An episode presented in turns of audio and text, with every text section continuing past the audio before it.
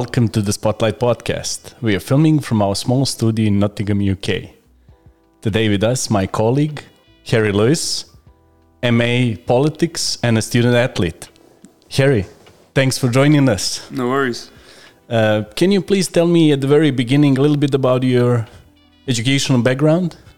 So basically, from Nottingham, and um, like what you'd say as a Nottinghamshire state school. So a very kind of um, humble and like normal upbringing. Worked hard, kind of wanted to see where athletics and then like also just like a general education would take me.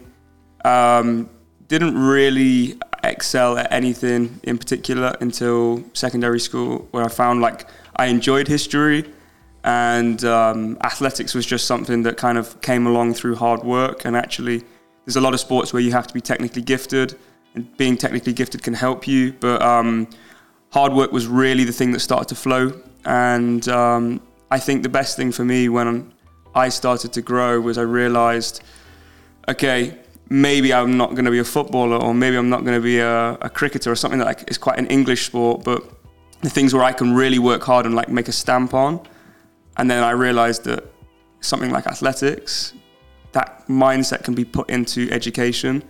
And then my A levels became, which is like higher education, the first level of England, um, started to become so much easier. And then I turned around to myself and then realized I can do it. Like even at university level, I could do it. So um, yeah, it was trial by ordeal, like learning to make mistakes and then get better at them. Can you uh, try to get back in time and uh, get in your head and, and uh, you know uh, walk us through this decision making process?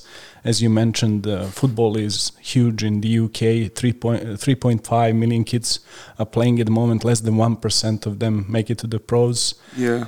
And you know you, you feel you you wanna be there and play with the, with with your buddies, but then you you you make a pivot and uh, shift towards the athletics, which is kind of individual sport, the high jump. Mm, yeah. Take us through.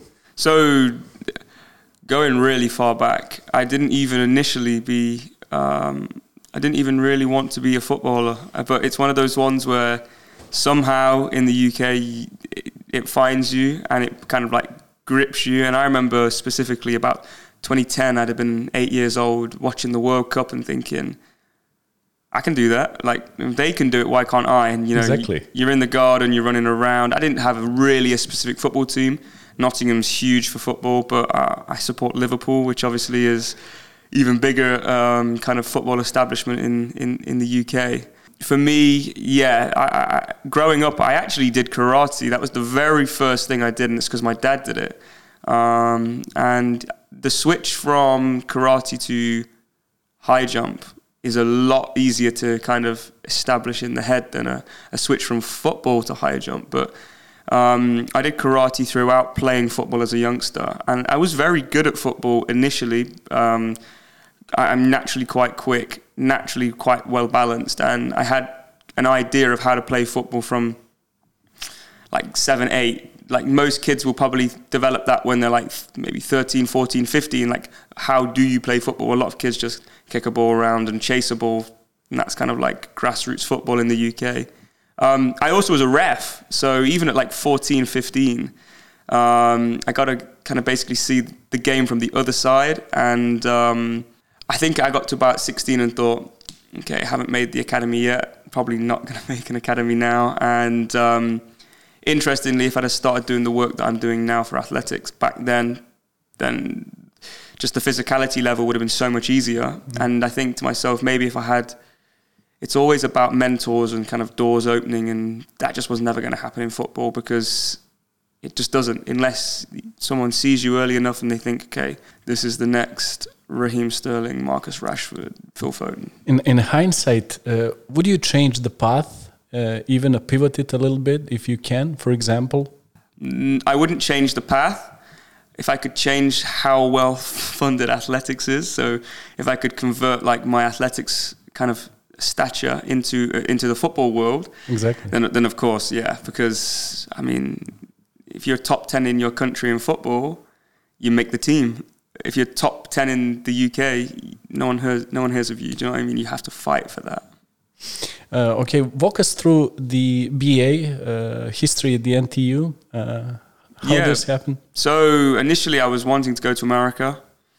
Um, that was going to be a scholarship to uh, San Jose, potentially in California, was probably the one that I was looking at the most.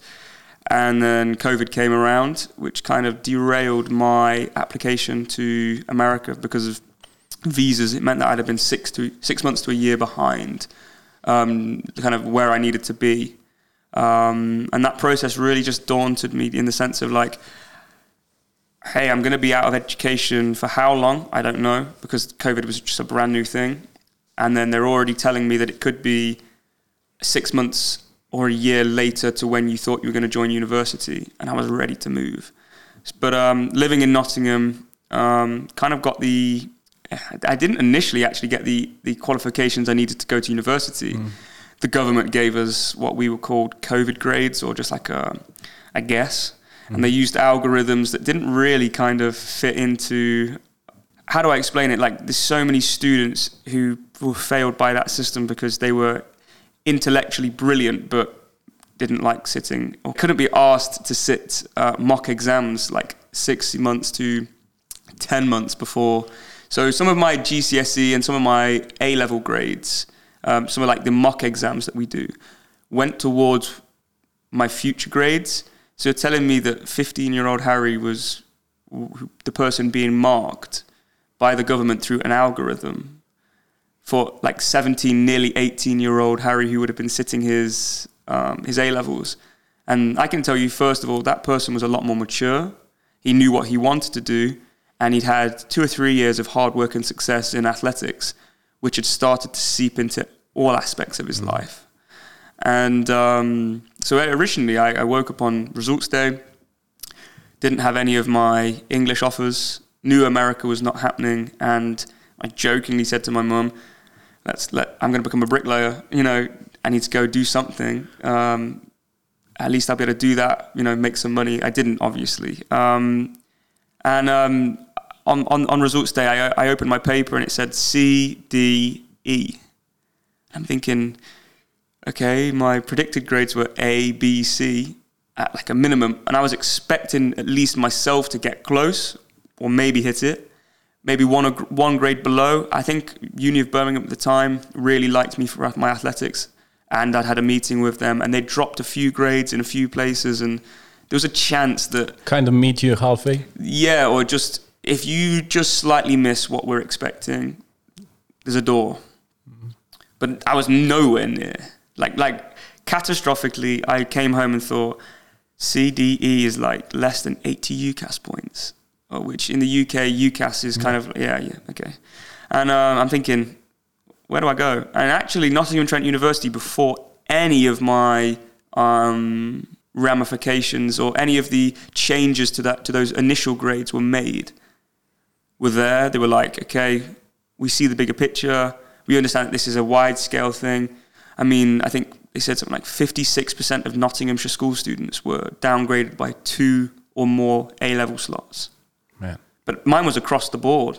And I go to a my, my, my, my college or school. It's the same thing. It's um, um, it's called George Spencer Academy. It's your typical your, your atypical um, school in the sense of in that area, a lot of schools kind of aren't maybe great at getting people to the next stage. They just get them through. Where this school is very good at getting first of all, get your GCSEs, and it's all about get 10 GCSEs, you can do whatever you want. Mm. And then it's the A level system that they have at their sixth form is we'll get you three A levels, you'll go to university. And then kind of like we got you out the door both ways in a, the best possible place. So I was in a good school for the area, good sixth form, but we got basically algorithms through a postcode system where okay, a uh, so, so typically a student in this postcode is not going to perform to the highest standard.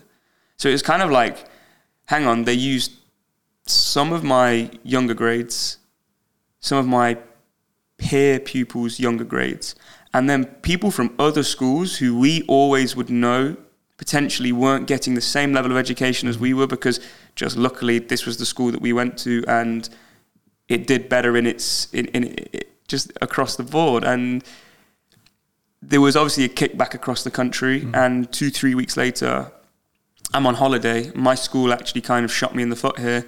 They sent me a physical hard copy letter. Not a text not an email not a school email not, not to my mum you know any way they could have contacted me legitimately.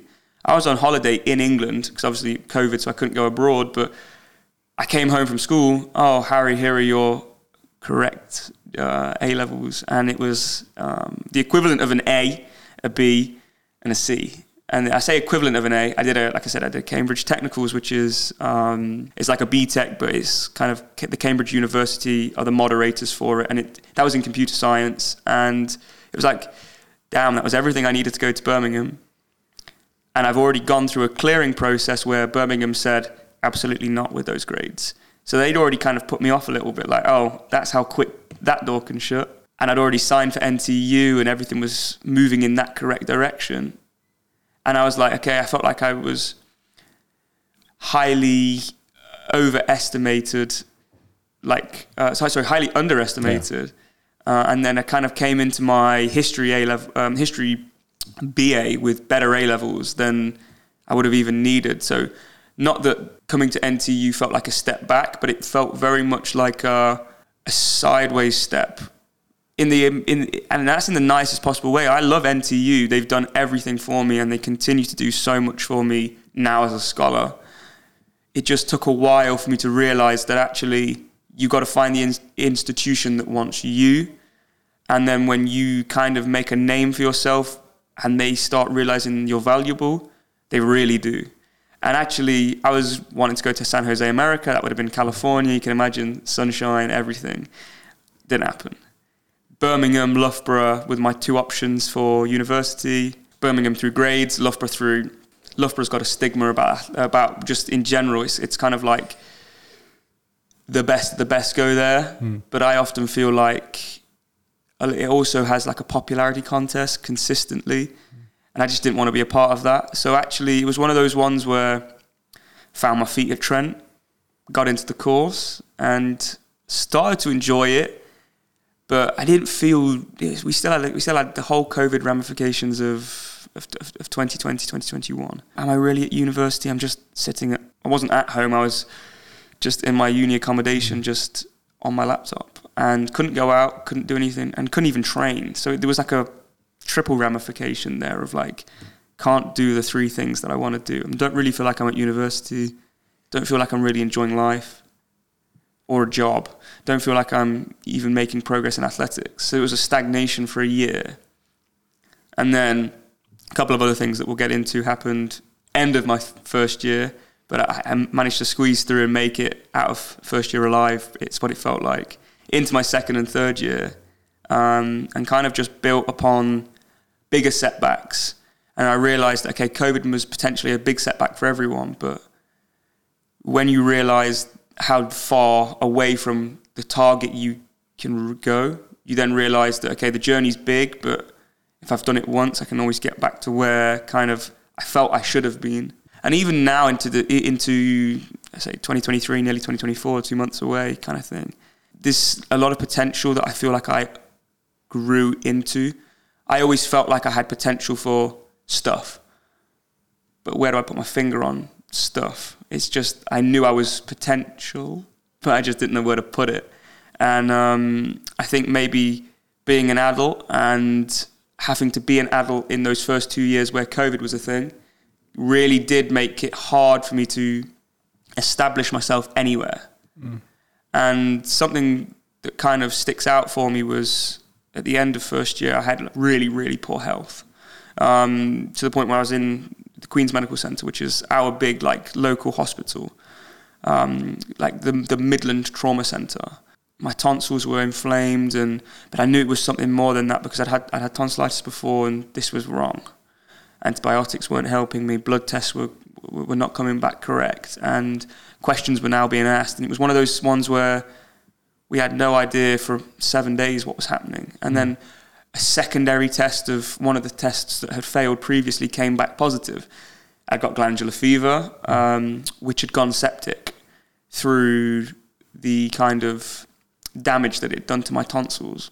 And that level of setback completely destroyed athletics for about two years because you get glandular fever, you get chronic fatigue syndrome, and then all of a sudden you're you're trying to train like an elite athlete, and you've got like the mindset and physical body of someone who's gone through it, and um, that setback really allowed me to focus on my university because as I was still trying to be a professional athlete, it kind of created a, a lot of heartache in the sense of I'm not where I'm supposed to be. Let's channel all that positive energy that I normally come with and let's get my degree. That's, what I came for university for. And then through trialing and effort and everything in third year, I, I got my degree. So passed as a, a, a BA honours student in history and uh, won a BUCS medal, which is, we call it British University Championships. Mm. Is its hyphenation.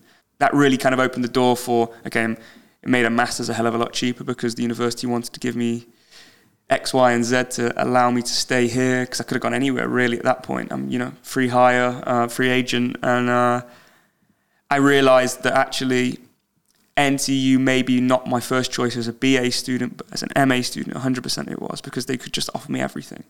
They were like, "We'll do this, we'll do this, we'll do this, we'll do this," and I'm like, "Okay, just bring it on." And actually, that was kind of the understanding of you find your place, or sometimes your place finds you while I was listening, I'm thinking how many of us at a certain point in our lives feel like prisoners of circumstances. And then, um, from that perspective, it's uh, very challenging to think uh, what the comeback would look like. Uh, can you tell me from this perspective how you look at these things? There was definitely times in COVID, and that's probably one of the biggest examples we'll ever have in our lifetime, where for no reason that you chose or, or, or wanted to there were so many things that were derailed and so many so many people's lives were changed in the sense of like things will never be the same and yeah there was moments in especially in in, in that first time period for me where i questioned everything you know do i want to do this? Like is it because at first we didn't know how long it was going to be do you know what i mean? There was there was serious, considerable doubt that things could not be like correct for 10 years or 15 years because especially the way that England handled our rollout it was tricky. And um, understatement. Yeah. I think tricky is a good word because it was it was tricky for them of course but they made it trickier than it should have been. They yeah. kind of they, quagmire. You know, the more you make, the more we're trying to get out of this. But it was just digging a hole in a wet puddle. You know what I mean? It was just like collapsing in on each other. And um, that that idea of being a prisoner, yeah. I mean, I think everybody who was 18, 17, 16 felt like, right, this is what retirement feels like. I'm having a trial. You know, um, what do I do? I wake up what do I do today? You know, there was nothing to do. So it was just kind of like, for me, it was keep myself fit and healthy and focus on learning just like, can I learn stuff on my own? So I, I got really into watches and just like picked up little hobbies just to try and, it felt like passing the time. And you think, this is crazy, this is my life and I'm passing time. But um, I actually do look back on that COVID summer with fond memories because a lot of fun times with my friends in the sense of online spaces. So, um, I mean, what what what would we have done without like the online space? Like, it would have been awful. Like, I, I genuinely think the amount of hours that I spent either chatting to my friends or physically playing on like the Xbox or stuff like that, and there are moments where you kind of like can alleviate the situation and the feelings, but deep down inside, we all knew what we really wanted to be doing. Like, I was 18, I passed my A levels. I mean, it came round to it eventually that I did pass them well, even though it didn't feel like it, and I kind of felt like that was stolen from me as well. Um, the, the, the thought of being a prisoner does crush your mind in those times because it's almost like I've done nothing wrong here, but I guess I have to lock myself away from the existence that you imagined, and that's that mindset that it took a long time for me to come to terms truly we will get past it and I can and it almost I had to go through a second phase of this when I had my illness. And glandular fever, I don't know if you fully know, but it swells internal organs and the central nervous system. So something like high jump is basically impossible. 10 times your body weight through the floor at takeoff. No, you're going to pop something. You will bleed out. I got told that your spleen is probably the most likely to go first, and impact sport is a no no. Well, impact at takeoff and landing. Mm. So there was a second level there of kind of like, this isn't something that I wanted or ever envisaged my life happening, but it's happening. How do I adapt and how do I overcome it? And actually, I spoke to so many people and nobody quite gets your perspective, but it's it is the right thing to do because speaking is the only way that you can almost like expel that energy of like where do I go from here? What can I do? And um, the quickest way you can overcome those is almost the longest way. And it's, it's, it's that time and it's that realization and it's that understanding that you're not there now, but you can be. And for me, the big thing was okay, I'm not going to kill myself for six months of, okay, I feel shit or I'm not myself.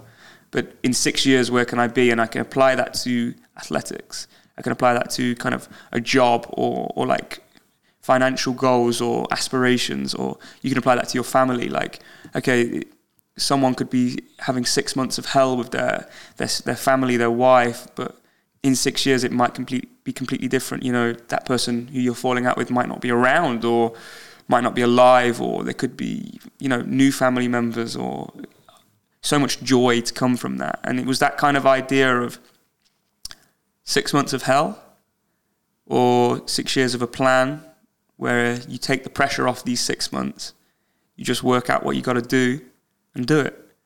And I spoke to a sports psychologist who kind of helped me really kind of, kind of like tape. And I say tape because that's a quite an interesting like thought process in my head.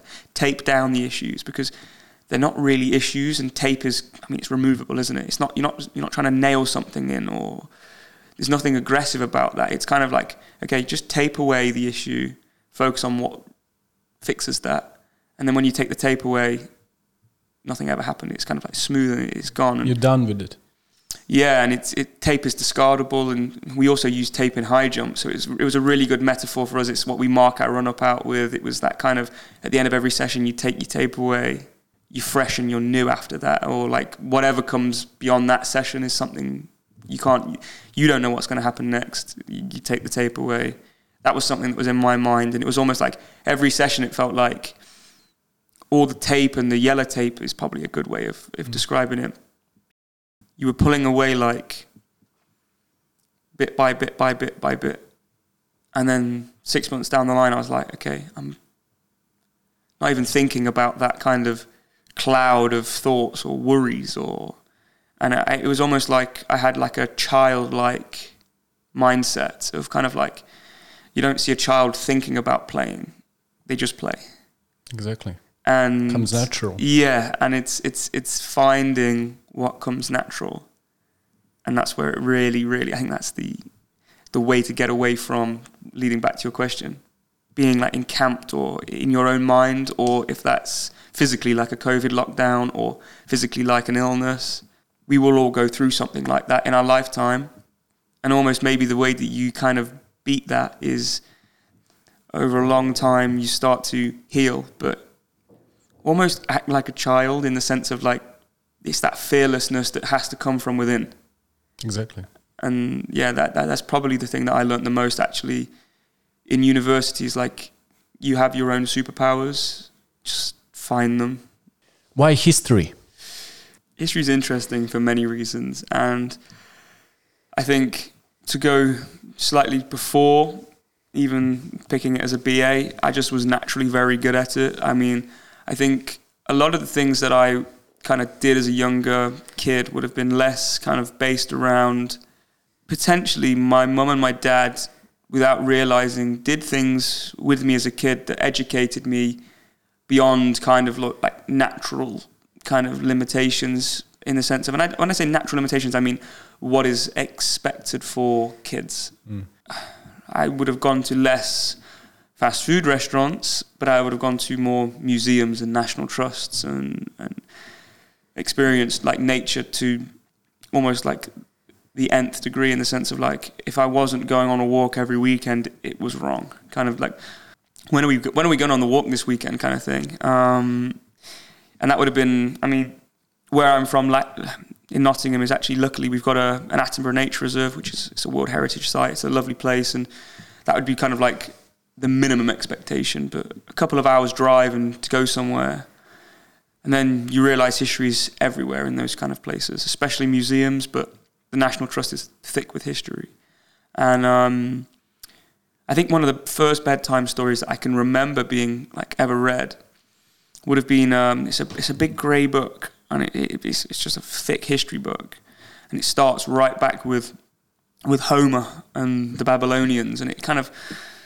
trickles its way through history in such a nice way, and talks about China and religion, and comes through to the Romans and the classics, and this is one of my first bedtime stories, and it was just because I think at the time my dad would have been reading it, and he thought this is probably something that's really good, and the amount of times I would have been falling asleep and imagining what I thought this kind of like this book of history was about. And for me, it was stories, but very true, obviously real stories. And I had a grasp of that. Maybe a four or five year old, I had a grasp that this all happened, but I didn't quite know all the answers. And it's probably that intrigue level that made me realize I got to do this. I got to search this up. And I started playing games about history. So, like, literally wanting to do. I mean, like every boy, they go, okay, I want to be a soldier, but um, I didn't want to be the soldier with the AK forty seven. I wanted to be the soldier who was wearing the gladiator armor. You know, I wanted to have the Roman sword. I wanted to have kind of the, the Praetorian armor, and, and, and that kind of level of excitement kind of came through.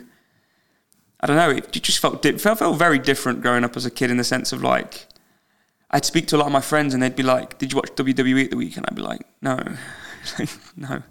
Did you um, watch the football? I didn't watch football, like I said, until I was like, I watched it at the World Cup, but didn't really watch it until I was like nine, ten. So there was like a long kind of period of time where my weekends consisted of reading, uh, trying to build things, and um, playing games like kids would, but history related, even computer games that I would play on the computer like history related, like some of the Total War sagas and stuff that like that. Like when I think back at it, it's it's it's odd for a child to do that. Like I was playing kind of games that were like more advanced but less gory, so that's why I kind of felt like I don't know. It's it's it's a very weird one where I feel like maybe I found a niche very young that I liked history, and not many people did. And I just kind of ran with that, and just led all the way through. I mean, I was just very good at school. Like and obviously, humans they, we crave on stories, Harry, and this yeah. is something that distinguishes us from the other uh, living uh, beings or creatures on this planet Earth. It's uh, for me completely natural that you you know got hooked by these stories and they kept you until till now until, yeah. I, I, guess I still do because I had a history lecture last year. Um, and uh, he's called Gianluca. He's Italian, and uh, he used to say, historians are like orcs; they crave blood. And it's like you will find a historian, but I think in general that's quite true in the sense of humans will they will search and they crave like a story or, or, or something they can either be shocked about or something that they can confide in or something that they can almost like realize something about their own life in. Yeah, relate and maybe maybe history for me was there was some things I related to it, and some things where you think about history is always written about the victor, and there are there are occasions where there is non-victorious historians, I guess, um, but um, maybe there's something quite glorious yeah. about like history in the past and the victor belongs the spoils. Mm, especially when I think I think probably my favorite history is is classical history, and it's the it's the one I really haven't actually ever studied properly. And I mean, I would have done classical history if I had gone to Birmingham at university, because um, I wanted to. My, my, whole degree would have been ancient history, and it would have been pretty much Babylon, even the Sumerians, right through to, um, to, to just just before the classics. So, um, but I did modern history at NTU and um, kind of took took away that kind of bias, and I mm. went and like learned other parts of history, and I, I enjoyed it nonetheless. And I realized very soon into that history degree that I enjoy learning history. Like my A level history was Russian history. My GCSE history was Elizabethan England. Do you know mm. what I mean? Lots of different time perspectives. I still enjoyed them nonetheless. Do you know what I mean? So I think history is one of those ones where if you give it time, it gives you time. And that's one of those ones where I can count on many, many fingers how many times someone will say something and I've gotten into a conversation because there is something that I know history wise. It comes into conversations and I'll be like, well, I know why that is. Like someone was talking about chronological order and they were trying to where does that come from? They were literally mentioning the word. Where does chronological order come from? And you start digging through your brain. And straight away I was on it. I was like, well, the god of time, or the titan of time, Kronos, comes from Greece. Gave them that little bit of information. Their eyes were like, wow, I didn't know that. And it's like, that just helped me just almost like elevate that relationship with whatever that person was at the time. And it was like a spark. And they were like, it completely intrigued or, but I had their attention. And attention is always probably one of the most important things. most important. Because if you can hold attention and You are, you are in the game. yeah, exactly, exactly. And maybe I use history to my own advantage in, in, in considerable parts of my life where probably you'd never think you'd ever use it. But there's so many people with an interest for history, they just don't know it. My girlfriend goes to me all the time, history, no, so boring. But then I'll start talking about it or reading something, and she'll be like, She all ears. yeah, yeah, yeah, yeah, exactly. Uh, do you really believe that uh, if we know history, it helps us not to repeat mistakes? Yeah. Okay. So that is an interesting question because I think mistakes mistakes are made when someone's trying hard or too hard. Because Bukowski said, "Don't try." so one of one of my school one of my school mottos was, "If you're not making mistakes, you're not trying." Um, but there is a weird balance, and I understand this of in even in my sport. Sometimes you've got to go at it with that fuck it mentality, and that mentality for me sometimes is as light as a bird or whatever, and it's that moment of just elation, and it's freedom, and that's when you're at your raw best. But sometimes to be at your raw best, there needs to be almost like a pre-done catalog of hard work, and I think that's where actually some people get it wrong that if it's a test, an exam, an event, a sport, even like a podcast today, you can prep for it and you'll be good. But in the moment, it's fluidity, and that's that. In in in sport, we call it kind of um, we call it that space where you're in flow state, and flow state is very hard to come by when you're trying hard. So coming back to the history question, if people are trying too hard, then they make mistakes considerably more than people who aren't trying at all. I think people who aren't trying at all, when they make mistakes, it's expected. And I think the people who are trying too hard, they find it unexpected. So maybe that that's that that's that kind of um, symbi- like symbiosis in the sense of like you think you're trying hard, and then when you make mistakes, it hurts more. If you know you're not trying hard and you make mistakes, it's like, well, I wasn't trying hard. Understanding history is one of those ones where, yes, I can understand if through many horrible things that happen in history, not to repeat them. But how many people are ever in the situation where they have the chance to repeat some of the stuff that happens in history? And maybe if you look at something so small spectrum as your own life, yes, you can learn from your mistakes.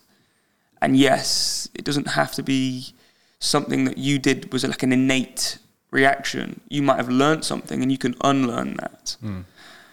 But long-term history, I think I think humans are a species with amnesia in that sense of we can just say something one day and be like, okay, that's awful. In the sense of like we are so defiant of certain things, and we're like, we're never going to do that again. It doesn't matter. As soon as, as soon as that generation has passed, the new generation comes through. They they have no recollection of that predisposed like.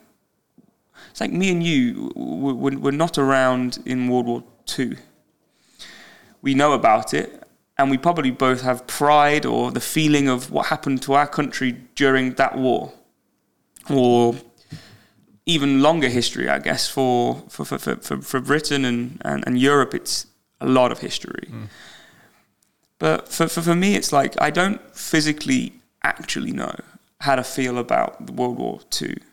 I know what I'm told. And then that's that feeling of how are my grandkids even going to know about that? Because I'm going to be telling them a story where my grandma and granddad can give me live recollection mm. of what it was like. So when I give my grandkids that, I'm going to be giving a story about live recollection. Mm. And then all of a sudden, so the study of history can, it, it really can help to understand people's plight or issues or success. At a personal level, that's where you really, I think, struggle with like almost like a primary understanding or a secondary understanding. And that's almost why sometimes I think it's more important to get right your own life so that history almost has you in the right light. Mm. So almost like get now right and then history will do the work for you. Don't get now wrong because you'll be forgotten or you'll be talked about in the wrong light. So that's kind of my perspective in history. And actually, like, I love what history does for people because how many people in history are just middlemen? There's hardly any oh, it was just a guy. You got heroes and you got villains. And somewhere along that, that, that line, you're there. And that's kind of actually why I think history is enticing because you've either got a, a villain story, like we see in the movies, or you've got a hero story. Small digression. Take us through the, the high jump, especially this, uh, you know, I would say run through. Maybe I'm not too technical with it, but you you know what I mean. Yeah. So um, a high jump run up is, is so so specific. People just go, well, you just run and jump over a bar backwards. You, you're aiming to jump over a one centimeter thick piece of plastic, two plus meters up in the air. Do you know? It's it's it's one of those ones where, how many times in your life do you ever think, I'm going to jump over something backwards? into a like a just a, a, pit, like a foam pit. It's it's one of those it's one of those things for me where I do it and I know how to do it, but then to break that down and explain it, it's almost like it feels like you say words and people are gonna go still don't understand how to do it. So for me, the the, the true breakdown is if you have a good understanding of physics, it's just purely speed, power and that moment of first force. So for me, moment of a force equals force times distance. So if I can impact the floor, moving nice and quickly at a strong position, then I'll jump high. But then there's a complete magic to high jump where it's the only kind of body position that a human can throw themselves over a bar and their center of gravity actually goes below the bar. And it's that kind of center I think it's centri- centripetal, where you almost throw yourself around a wheel. And it's that moment of kind of you reach your moment of peak, you then start to go back, and then I can't explain it. And it's something that when you get it right, it feels so good. You're up there, and you know, you know you're coming down, and it's less than a second in reality, but it feels like a second or maybe a second and a half in, in, in, in your existence and your consciousness. And it's like you almost trick gravity or you trick time. There's something so just when it's right, it's right. And again, that kind of plays into everything we've been speaking about. Exactly. You said uh, to strike a balance. Mm-hmm. Uh, and uh, what I'm also in history and in high jump as well. Uh, what I'm also intrigued is uh, and question. I have a question about it. Uh, do you know when you when you when you are up in the air when you repeat all these steps do you know that you are over the bar? Yeah. 100% so when i know i've got it right so when I won my BUCS silver medal back in May, and I'd never won a national medal before, and I'd just come back off the, the worst two years of my life, and I'd been working so hard, like, so hard in this sport to get back to where I needed to be. Um, the university for the lad who was competing against me for the bronze medal, bronze and silver, um, we were having a bit of a jump off. They were just giving me just shit, and I just took off. I just ran the same run up as normal, put that foot down, and there was just something in me that was just like, I just wanted to go, like, that's me, and I just, I just, I knew that A to B needed to be right, and then we normally say A to B is the run up, B to C is kind of like over the bar and landing. I didn't care what happened in the air because A to B was right. And I just drove my knee, watched the bar go, closed the eyes, which you're not actually supposed to do, but I knew. And actually, it was one of those mo- moments where there's so many times you dig a you dig a jump out, or you you dig something out, and you think that was hard work. This was active. This was this was active transport. No, no, no. That moment was like like gas escaping, or it was like it was just effortless. It was like a bubble rising. I just had my eyes shut over the bar, and I just lifted my legs, and it was like I could have literally. It was the easiest feeling in the world, and it was the highest I'd ever jumped. And that was that moment of there's a great video of me. I land on the bed, and I look straight at the NTU lot, hands wide open and then I just look at the chef. Well, I look at the other university. I'll leave them out. I look at the other university and just think, yeah, you made me do that. You don't realize it, but it was just a spark inside me where you brought out that superpower that I talked about earlier. And yeah, that's. It's one of those ones where even now I get excited about that feeling because you can't always channel it, but when you do, it's just it's, it's, it's just it's, it's ecstasy. It's pure magnificence, and and sometimes you get that feeling in, in other aspects of life, but something like something like a sport that that's the adrenaline, you know, and and you train all year round for four, five, six seconds of that feeling. You might get it twice a season, but it's that it's that it genuinely it's that feeling of I'm unbeatable right now. And the next the next height, um, which was would have been a, a lifetime personal best, um, I was flying. And the only reason I didn't was because I started to try too hard. And it was that moment of like, on reflection, I could have done so much better that day. It was probably the best day of my career to the point, but I could have done so much better that day. And later on in the season, I was able to realize I was having another purple patch. That feeling was coming. I calmed down and I did better. And that maybe is a teaching that you have to experience a couple of times to then realize when you're in those moments, you're in those moments. Because sometimes the static electricity that your body feels like it's channeling mm. is so, so palpable that training goes out the window. Do you know what I mean? It's like yeah, of course. It's almost like your it's flow state is just leaving you.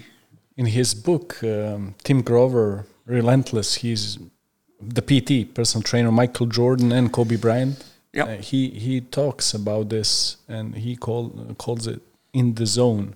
Mm. When the athlete is is in the zone, then these things happen. Yeah. So in a some kind of strange way, he connects it to the like a dark side of us that Freud is talking about Mm. And uh, it, it's a it's a it's a very strange feeling, I would say. And I've listened to this guy's podcast before. I can't I can't remember who the actual host was. Yeah, maybe it's um, Diary of CEO. He went to uh, potentially, yeah. yeah. And um, obviously, he says so many people can destroy themselves trying to find that dark place. Mm. And I think I think if you look at a lot of people who become truly world class, truly, truly world class.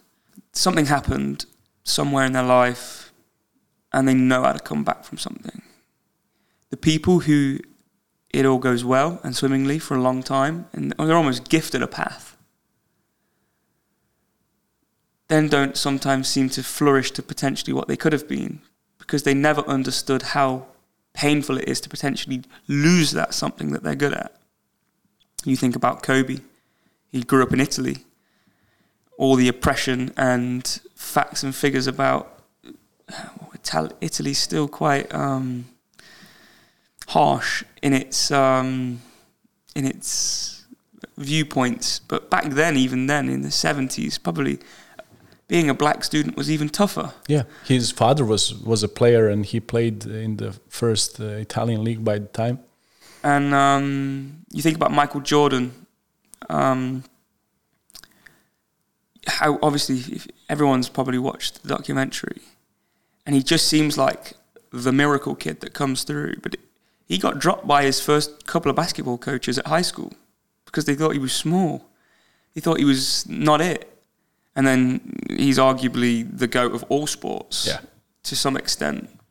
I think I think there's probably individual moments where people have been better in their own sport, but just be consistently so good night in, night out.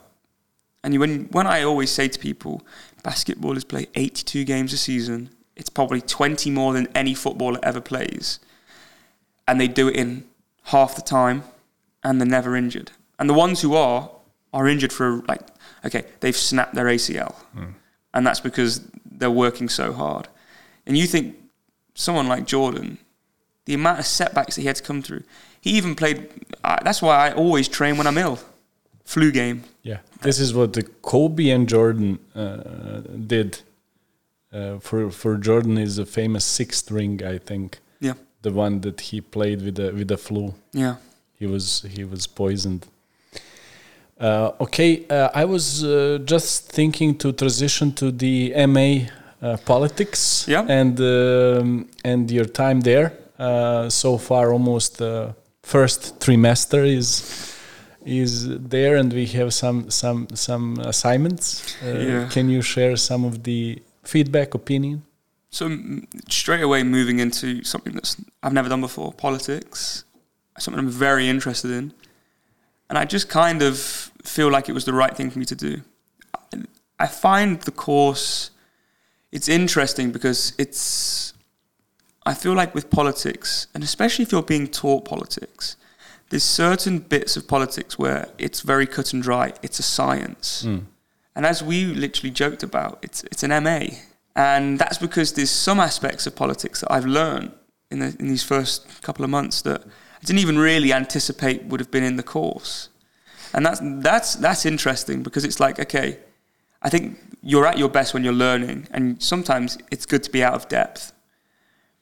Some of the things have been properly interesting, like some of the discussions I've had, especially with some of the lecturers. You you, you can see that even the teaching of politics can be quite personal.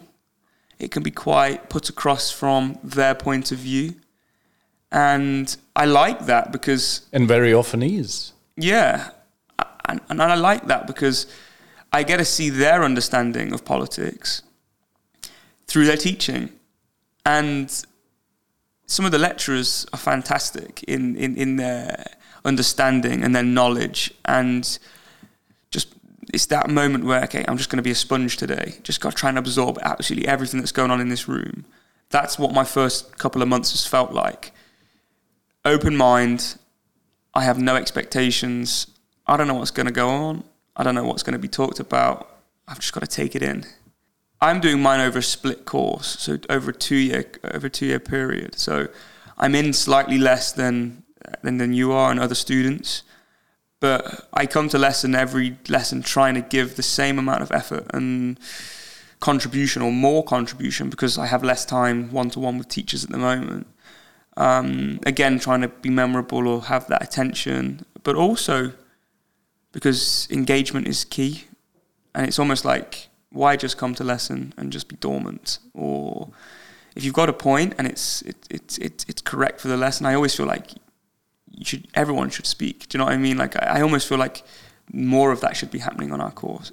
But um, what I am finding interesting is is the level of detail that, that, that we are going into, and it's it's specific detail that I didn't even think we would be going into. So some of the some of the political theory, I think some, one lecture was like 50 different authors were mentioned, and it's like, and our lecturer has read, written, or understood every single one of those to bring that to us. And you know, when he like one of our one of our lecturers, he's, he's called Matthew Henn, quite a good uh, political lecturer, obviously.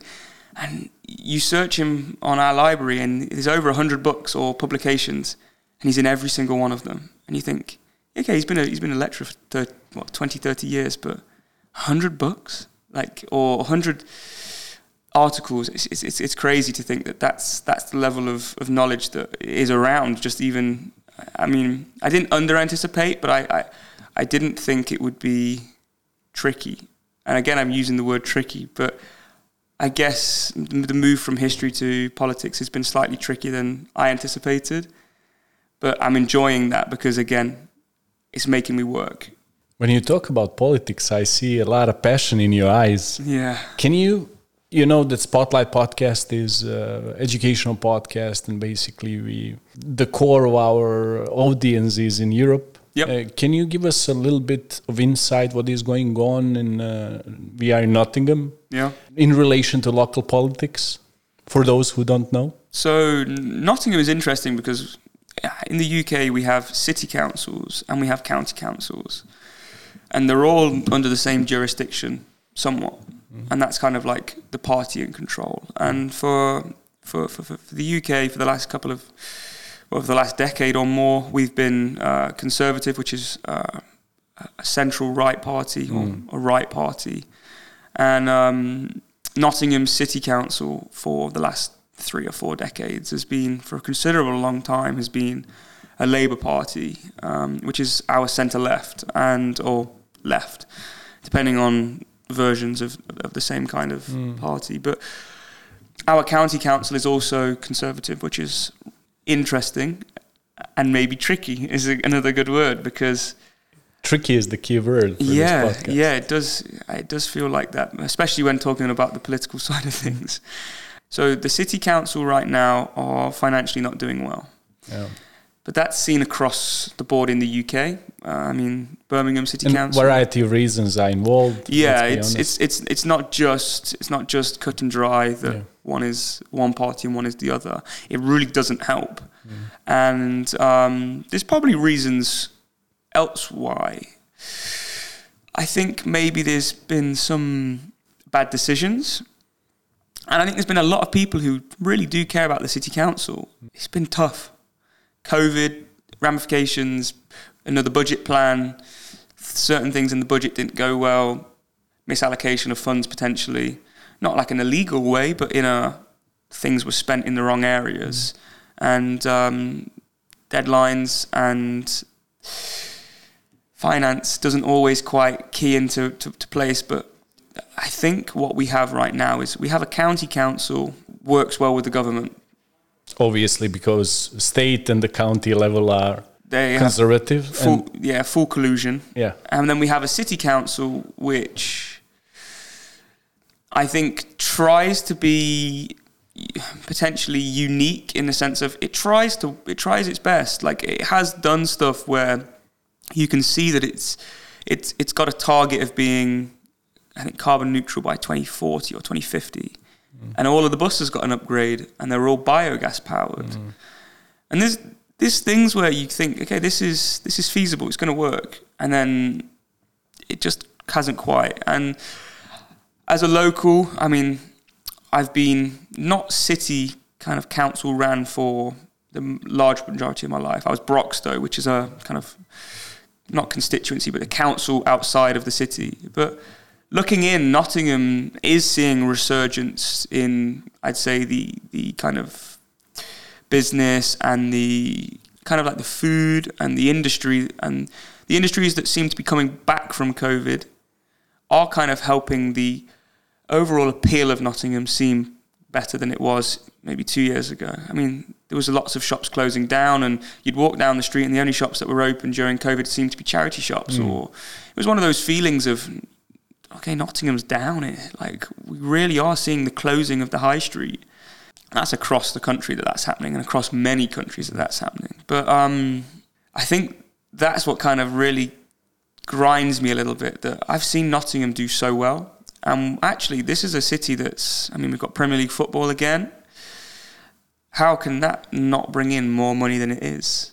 We've got we've got the build we've got the build of a city that could flourish. It's small in the sense of the city centre is walkable. And there's so much history within the city and there's so much rich kind of culture. I would say rebellious. Yeah, yeah, yeah. History. Yeah. But that culture has not been has not been nurtured for me in the right way.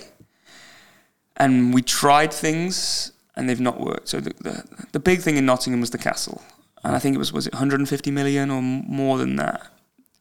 And it's mm, I went when it was open and I was a resident of Nottingham and I paid which I didn't think I actually would have had to have done. We will come to this topic. And uh, yeah, and um, I went and actually it was good but it, stuff like that doesn't sell. Not 150 million. Oh.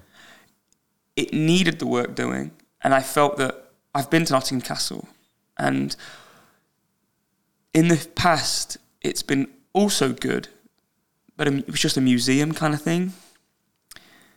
They spent 150 million pounds to make more museum.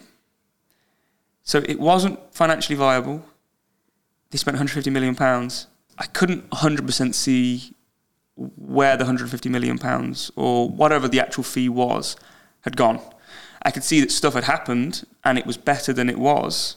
But I, I turned around to my girlfriend when we left and said, I don't think that was worth it financially. Like it was like something like maybe 12 quid, 17 quid each. I'm thinking, I'm a student and I've only gone because I have kind of nostalgia or a, a love for at least you were curious to see yeah, and what they have done. The thing for me is advertising, none. Appearance, none. They could have done so many things there. Festivals, non-historical, appetizing things, craft beer, um, what do they call it? Farmers markets, historical farmers markets. Invite the in, invite the people who like to cro- like a cosplay. Invite the people who want to be there. Get a society. Do something, you know. And I just felt that the potential was lost, and um, I don't think that helped the budget at all. Mm. Um, I think the redevelopment of um, our well, the historic kind of shopping centre, which is Broadmarsh Shopping Centre in Nottingham, it's just kind of stagnated. It's it looks like it could be really good. It looks like we could have like a, a second city kind of plaza centre. That's been happening since 2016, 17 in my memory. And it's 2023 now. And I've gone from being someone who was like 14, 15, thinking, okay, Nottingham seems to be getting a lot of regeneration too. Will we ever finish this regeneration? And now that I'm going to be a taxpayer, council taxpayer, I'm now interested in why things don't happen. Exactly. And it went from me being kind of curious to almost physically not angry at the situation, but peeved. And that word really means there's a bee in my bonnet mm. and I can feel it building. And I'm sure there's lots of people like that. But what I think needs to happen, especially for Nottingham City Council, is there needs to be a level of honesty first. Something's gone wrong. But if they're honest and they and they speak to the county council and there can be more collusion between the two, I think I think the the amount of money that is in Nottingham that can be generated from Nottingham, I think I think they can do it.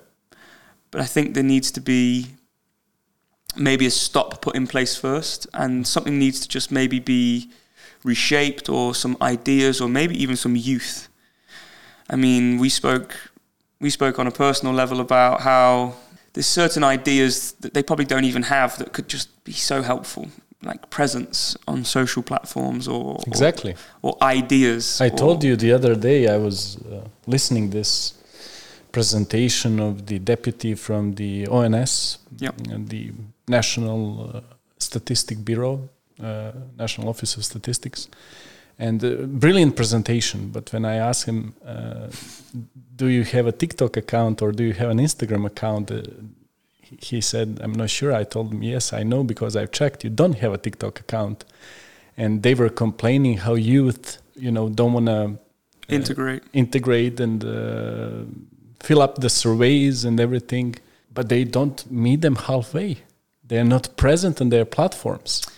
And you see that throughout so many institutions. We were speaking to our lecturer just very quickly. He said, "Oh, it's it costs thousands, hundreds of thousands of pounds to get these surveys done well." And their sample size was 1,680 people of, of, of, surveys that they took forward. And of that, 590 or something was used, like in the actual investigation. Politely, I could get 593 yeah, our, our collab quickly. of our reels will get 10K easily. Yeah. And would all of them do a survey? No. No, no, but with a certain type of impetus, why not? Exactly. And that was like, and he said, hundreds of thousands of pounds. I'm thinking hundreds of thousands of pounds. Yeah. And I know they went through a very specific com- Yeah. company that did it well. Yeah. And they would probably get better quality data than if we tried to get 600 people to fill out a survey. But we'd still have 600 opinions. And it, you know what I mean? It was one of those ones where, like, even that made my eyes open. He's a university lecturer who is leading a political debate or hmm. even questionnaire about youth politics. And I bet if you ask the same question you asked to the ONS, do you have? He probably has a Facebook, probably has an Instagram, maybe. Definitely doesn't have a TikTok. Exactly. I mean, And uh, ONS, Instagram 4K, uh, YouTube less than 2K, Yeah. and all of the animations were uh, placed or uploaded on YouTube, but they have only 2K. Uh, for example, a small Yeah. Spotlight podcast has already uh, 12K coming from Montenegro, that is 670,000 inhabitant country, and this is uh, 67 million, yeah, yeah, exactly. 10 times more. Yeah. So they need to put a little effort. Uh, tell me, we've talked about the NTU in a very favorable um, manner. Does anything bother I think um, bother you? Yeah, yeah, yeah. I, I, I think, I think there's certain things where I do feel maybe looking at other universities, we, there's, there's some there's some assets maybe that uh, students don't seem to be uh, afforded maybe, and I think maybe if we look at like the amount of students that Nottingham Trent University have, I saw this recently, with maybe the third or fourth highest university outside of the Open University and a couple in London for student population. And One quarter coming from the the outside. yeah, I believe area. I believe so. Um, I think it's forty-one thousand students, 40, 41,700 students, and twenty-five percent of those students are, are like I say, external at least. I mean, a lot of those are probably domestic students who are living in Nottingham, who are living externally, in the sense of like the, the, the population of Nottingham Trent University, who actually are from Nottingham, is probably very, very thin. I am one of them, probably very, very thin. And um, I think that potentially the first thing that Nottingham Trent University could look at is just more buses in general. That's probably the first thing because What do we have now at the moment? I- Uh, I'm- there is a, a bus line four. Yeah, I think it's, it's but it's an individual bus. It's like a four I or a four X. It's it's not just a four. So the number four goes to Clifton, but not the campus. The number four X goes to Clifton, and then the campus last stop. Oh, okay. So it's like an additional add-on. How many in shift in total? No idea. I mean, probably twelve. I think that's probably a good estimate if you think about. And the biggest issue here is, as far as I can anticipate, is the fact that students pay for a round trip around 3.2. I Yeah, think yeah. 1.6 is uh, is A uh, one-way. discounted discounted price one way, and we are talking about students the regular basis go to Clifton campus. Um, majority of them international Yeah. based in city campus and already paid 15 16.5k up to 20k Yeah. per year per Yeah. annum and really we, we see no reason why they sh- they should be paying additional 30 a month So from one campus to the other campus of the same Yeah. university. Yeah, a, a, a- breakdown for me is when I realised in third year I'd need to travel to university three to four times, or even now I travel to Clifton. But you are a student athlete. Yeah, yeah, yeah, a scholar. Scholar. So, so, so I'm, I'm, I'm paid in such by the university to compete, and I have to travel to the the high performance gym that we have in Clifton, which is is lovely, and it's had a massive new renovation. Hey, I, I heard the, to- the total cost for the whole campus to be as it is Yeah. today is around 400 million. Some, Yeah. some, some crazy number came, came Yeah, up. like like The campus is is- beautiful. Clifton is top notch, and you can see why Beautiful. why NTU is doing so well in all the polls. But I'll tell you, uh, I went on weekends. It's a ghost town. Yeah.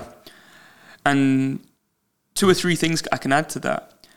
I travel to Clifton twice a week, but I'm not based at Clifton for education. But if I was, I'd be going five or six times a week. It then made it cheaper for me to actually buy a kind of a bus card for the year. Um, it's not very well advertised. It's also not very well offered to international students, especially students who potentially might not know Nottingham well. But a five hundred pound upfront bus bus card, which is still a lot of money, especially for international students just to fork out straight away, ended up being cheaper for me for a year as a student than just paying as you go, paying as you go, paying as you go. And when, there are other universities across, the, uh, even the East Midlands, to make it local, that have regular bus services where their students just either pay through their tuition, and it's like not additional because it's already kind of inbuilt, and then therefore the bus service seems free, or you see buses from other universities and you think, what are they doing that's different? Like the actual bus has got the logo on it. Our bus, if you didn't know, you'd just miss it. It says Trent University campus on the front of the bus that flashes up on, but it's just like every other bus. And there's, there's somewhat, there's somewhat where I think when I go to Nottingham Trent University, it's been UK University of the Year through different metrics and different newspapers for like last four or five years. And it is catching up and doing so well for itself. But that might be the area where it lets itself down. And it's, it's, not, a, it's, it's not maybe something that they think is a priority, but maybe if you were to have a, a, a conversation with university students who are domestic and international, the domestic might go, yeah, well, you pay for a bus everywhere. The international might go, I'm already paying so much. Why am I paying for a bus? Exactly. And it's the same university. This is what I'm, I'm keep on beating this to the ground. Yeah. It's the two And- campuses of the same university. And you, you'd have to pay for the bus or the tram. And the tram doesn't even really arrive at the university, it arrives a mile away and you walk. And that's actually kind of actively, it's not talked about by the uni because it's obviously not even subsidized or it's not even owned by anything to do with the university. But the university will say sometimes like, "Oh, it's good to go get the tram," because they know that it's another way students can get to the campus. But um, yeah, for me, it, it, it took me a it took me a while to realise as a, a as someone who's obviously lived in Nottingham for a while that things like that. I guess because I'm predisposed to paying for buses anyway. But then when other people from other universities go like, oh, so what? You don't have an actual specific university bus, or like international students who I met in first year of my university, whose attendance was like sixty or fifty percent, and they were like, I just don't really understand the buses because I don't like some countries don't use a system like that. For example, like in Asia, some Asian countries just don't have buses that work like that, or they don't want to travel. They've said, "Okay, I'm coming to Nottingham Trent University," and they see it outside the window when they live in city. And then they think, "Why am I traveling 40 minutes down the road on a bus?" So maybe that's a little bit of confusion that comes with some of the students, but that level of understanding for me, it took me a while to kind of get to grips with. Actually, yeah, like we pay, even as like a domestic student, we pay nine thousand pounds a year base, or if you're a master's student, it'd be twelve thousand pounds for the year as a domestic student. What do you feel it could be a, let's say, a best case scenario solution for this for this issue? So if you if you take some feasibility out the window, then obviously a fleet of Nottingham Trent University buses that's semi feasible. I don't know the financial kind exactly. of breakdown yet, but there's an idea where we physically could have like a Uni of Nottingham or Uni of Derby kind of bus service, and that could be piggybacked off something like Nottingham City Transport, mm. which it, it kind of is right now. But it feels like the Nottingham Trent University bus is actually just piggybacking off the Clifton service, and it needs to be the other way around in the sense of it's out and out our bus. Not only university students can get on it, because I guess actually the stops along the way would be helpful for other members of the public, and that's where it probably could be feasible for Nottingham Trent University and Nottingham City Council to work together, like they are. Maybe there's a bus card that's like very cheap for students to get.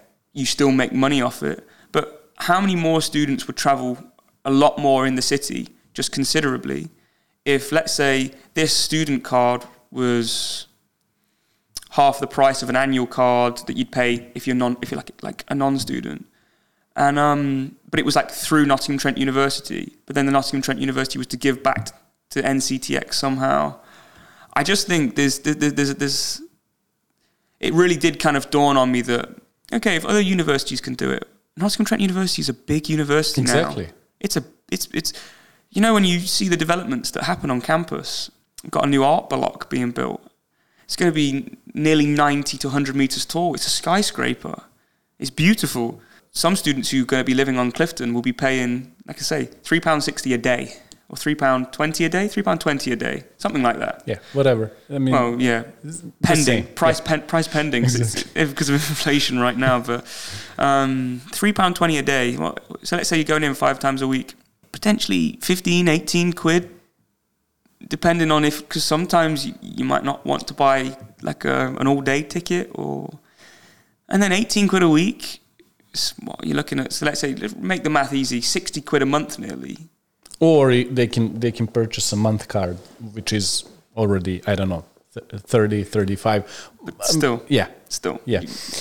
Okay, I think we we kind of uh, sent yeah, our yeah, message yeah. there. Um, could you, for the very end, tell me a little bit about about your plans for the future? Uh, our outro is around two minutes. So, so just for you to, to let you know, give us a little bit about your plans for the future. Yeah, so about as briefly as I can get it, um, I'm I'm going to plan to do as well as I can in athletics, and I'd love to go to the Olympics. It's it's a stretch, and it's always a stretch target, a stretch target for everybody. But um, I think the biggest thing for me is I want to move forward with politics into a job. I don't know where, I don't know when, I don't know how, but to build the athletics, to build the politics, to put myself in a position where there is no regret, and let's say athletics takes off, I'm going to be more than happy. But then I have a feasible background where I've done the education, I've got a path to a job that I want to do, something that I can achieve. And, and for me, I feel like getting the education it builds a level of credibility for the next steps that I want to take. And especially if I think about athletics, it's a 10 year career. But what do I do after that? Exactly. So, so, so for me, I think continue down the line, build connections with Nottingham Trent University because I think it's a good organisation. Learn some skills from being like um, on the athletics committee and stuff like that, and really just look for potentially some some obviously high earning would be great, but some job where I feel like I'm giving back in the sense of like this is what I've learned, this is how educated I am, and I'm trying to give myself maybe I don't know 10, 15 years of a really solid career, and then hopefully put your feet up after that. That would be the ideal goal, you know, 40, 45, and self-made, hopefully, and then enjoy more, more less substantial things potentially. That would be an amazing goal, but yeah, I guess keep working hard and wake up every day with the positive attitude that I have. That's probably today's goal. Do you know what I mean? Keep keep keep pushing. Harry, uh, best of luck first of all in all your endeavors, and thank you so much for stopping by and talking with yeah. us. Cheers. It's been a pleasure.